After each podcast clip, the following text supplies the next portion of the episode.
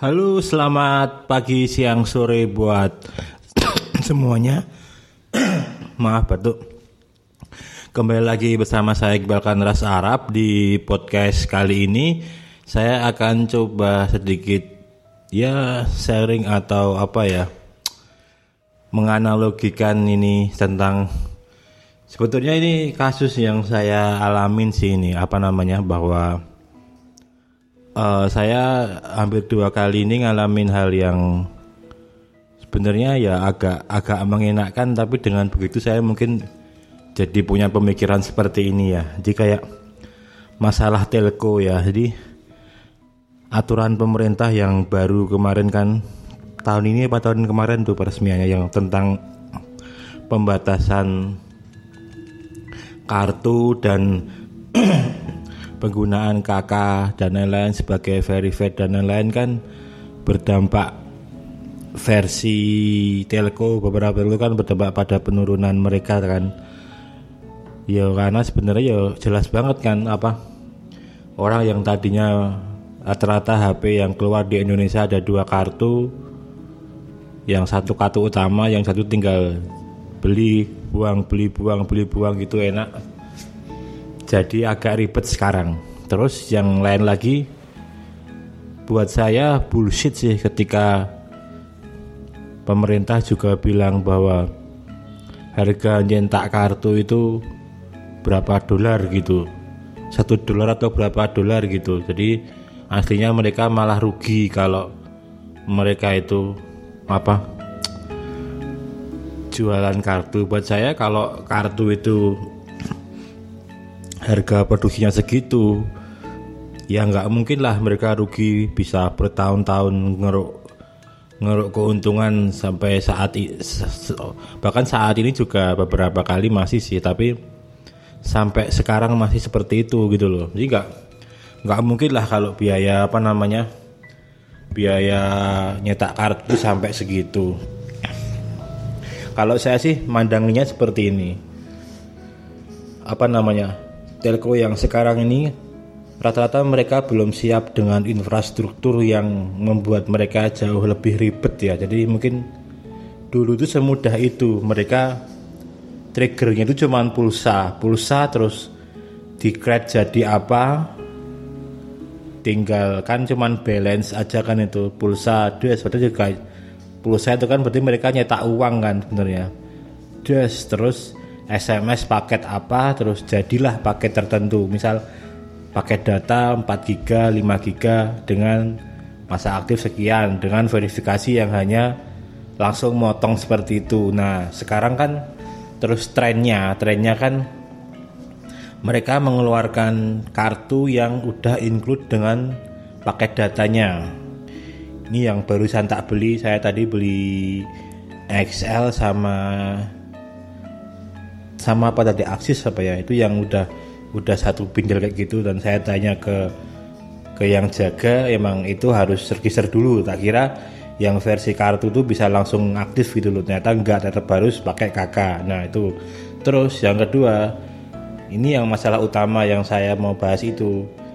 Mereka menjual voucher. Voucher itu mungkin yang dulu kayak barang eksklusif ya yang digosok terus keluar kodenya itu orang mengisikan itu. Nah baru nanti aktif. Nah masalahnya saya dua kali kemarin itu ngisi voucher sebit itu tak kira malah kayak hilang dulu saya nggak nggak menikmati saya nggak menikmati apa yang sudah saya beli dan malah nyedot pulsa utama. Nah kurang lebih seperti itu. Padahal tujuannya kan buat user-user yang lama yang dia udah ngopeni nomornya itu bisa tetap tetap make gitu loh. Dan akhirnya mereka juga dapat dapat input yang lumayan sebenarnya. Dan kalau dipikir-pikir sebenarnya lumayan mudah aja sih. Orang cuman bikin kode enkripsi yang buat kodenya itu disamain ke sana keluar balance kan terus jadi paket itu. Tapi mungkin di sistemnya mereka itu belum siap akan hal-hal seperti itu. Karena kan itu butuh verifikasi tentang orang harus submitnya kodenya bener apa enggak. Jadi servernya itu kayak mungkin kerjanya saya nggak tahu sistemnya seperti apa ya yang aslinya ya. Saya belum pernah masuk servernya atau gimana. Yang jelas secara di logika dari nalar alur flownya aja kemungkinan kode itu kan buat verifikasi apa namanya paketnya itu kan sebenarnya. Ini kodenya ini ada enggak dan lain-lain. Sebenarnya kalau atau malah sana nggak dibikin yang sistem kayak bahwa kode ini sebenarnya cuma enkripsi kode paketnya yang langsung. Oh kodenya yang ini bener ini kode segini langsung kekirim ke nomornya. Nah mungkin seperti itu sistem dengan sistem seperti itu sepertinya mereka belum siap. Sehingga tak lihat ada yang saya kemarin nyoba sampai sampai sekarang belum aktif yang paling baru ini juga udah seminggu ini belum aktif juga saya pakai M3 itu sebenarnya gosok ngisi juga nggak nggak masuk juga nomornya saya hubungi ke customer service dan lain-lain nggak ada tanggapan. Nah itu berapa sebenarnya berapa banyak user yang mungkin merasa seperti dirugikan seperti itu ya.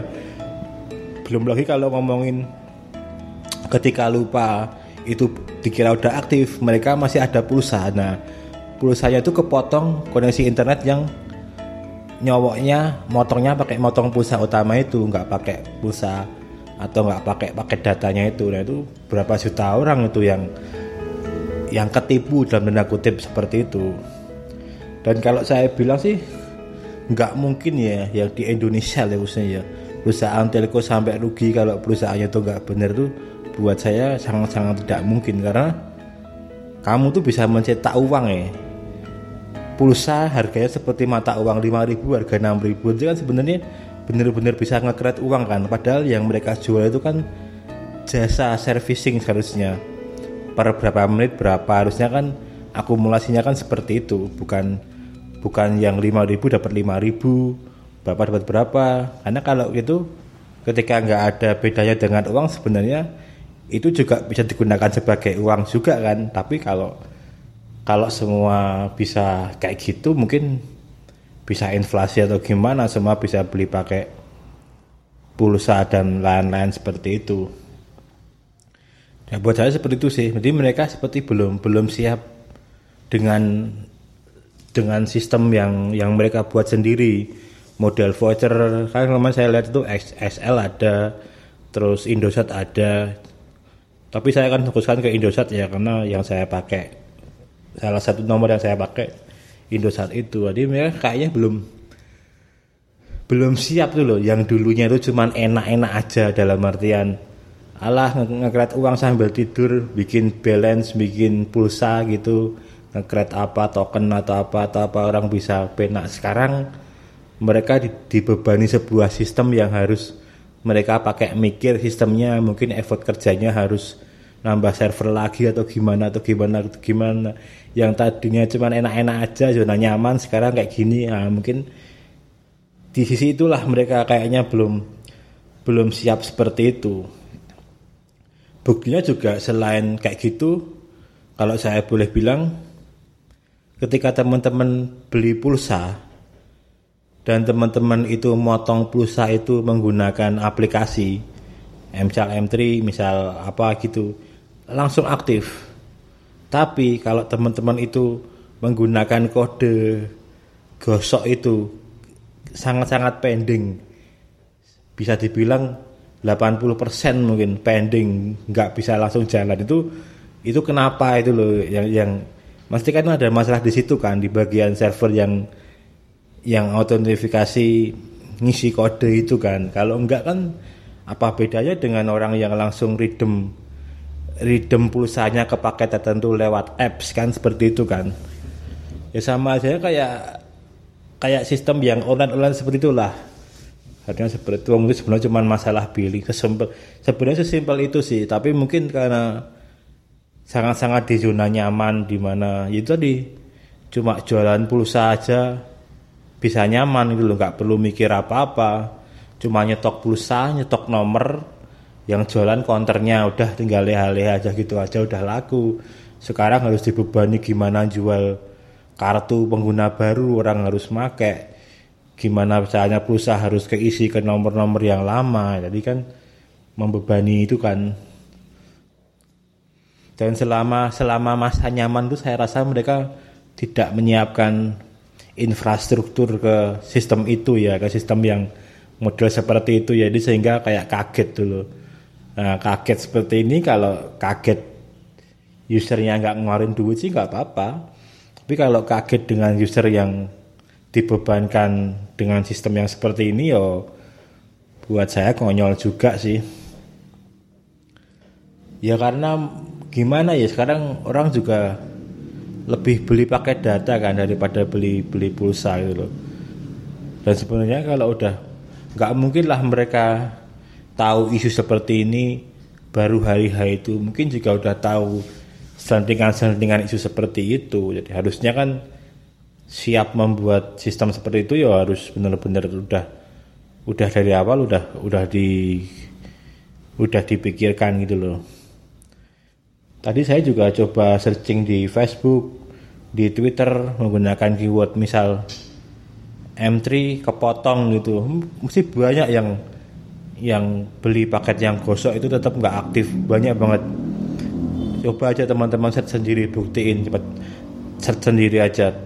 Indosat atau M3 kepotong gitu. Ini mesti pasti lah yang keluar caci maki orang yang customer yang merasa dirugikan dulu juga. Tanggapan apa namanya? Customer service-nya juga sangat-sangat lambat ya. Saya sendiri hampir seminggu ini belum belum ada balasan lima hari hampir seminggu lah. Cuma dibalas sekali suruh pindah ke DM ya kan ke messenger. Terus habis itu chatting lagi masalahnya apa saya submit kode yang saya gunakan terus foto vouchernya.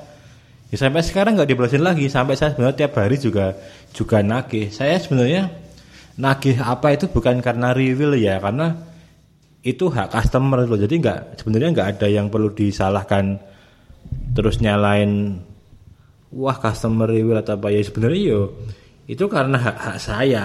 Coba aja kalau kalau banyak customer yang nggak ikhlas terus ya wes lah saya nggak ikhlas biar nanti ini dibawa mati sama orang-orang Indosat. Malah kalian yang telco yang apa tuh yang pusing semua matinya nggak tenang mungkin. Karena masih ada hutang yang belum dibayarkan ke orang itu kan itu haknya orang kan sebenarnya seperti itu sebenarnya malah terima kasih sebenarnya kalau masih ada orang yang mengingatkan untuk menagih haknya gitu loh. Tapi sebenarnya kembali lagi kalau sistemnya benar semua berjalan lancar dan mereka siap apa sebenarnya juga hal seperti itu juga nggak akan terjadi juga sih. Buat saya sangat-sangat konyol pokoknya itu. Saya udah pokoknya saya kapok lah. Kalau saya bisa ngasih saran teman-teman gak usah beli voucher yang gosok itu. Dah daripada rugi nanti. Misalnya harga 100 ribu atau berapa yang gosok berapa giga mending nggak usah aja. Mending kalau ada yang lebih muham mahal sedikit atau murah sedikit tapi teman-teman harus ngisi kakak yang versi ngisi kakak mending cari yang ngisi kakak aja. Atau kalau teman-teman slow isi pulsa install aplikasi bawaannya yang kartunya itu terus registrasi atau registrasi paket lewat sana. Jadi langsung motong pulsa itu buat saya kayaknya lebih lebih benar daripada yang via voucher itu. Ya masa mau enak terus dulu kalau saya itu sebenarnya nggak mungkin pokoknya itu yang namanya telco itu bisa rugi kalau sistem nya nggak bener sistem apanya perusahaannya nggak bener atau gimana atau gimana. Karena sekali lagi mereka itu mencetak barang gaib dulu mencetak uang.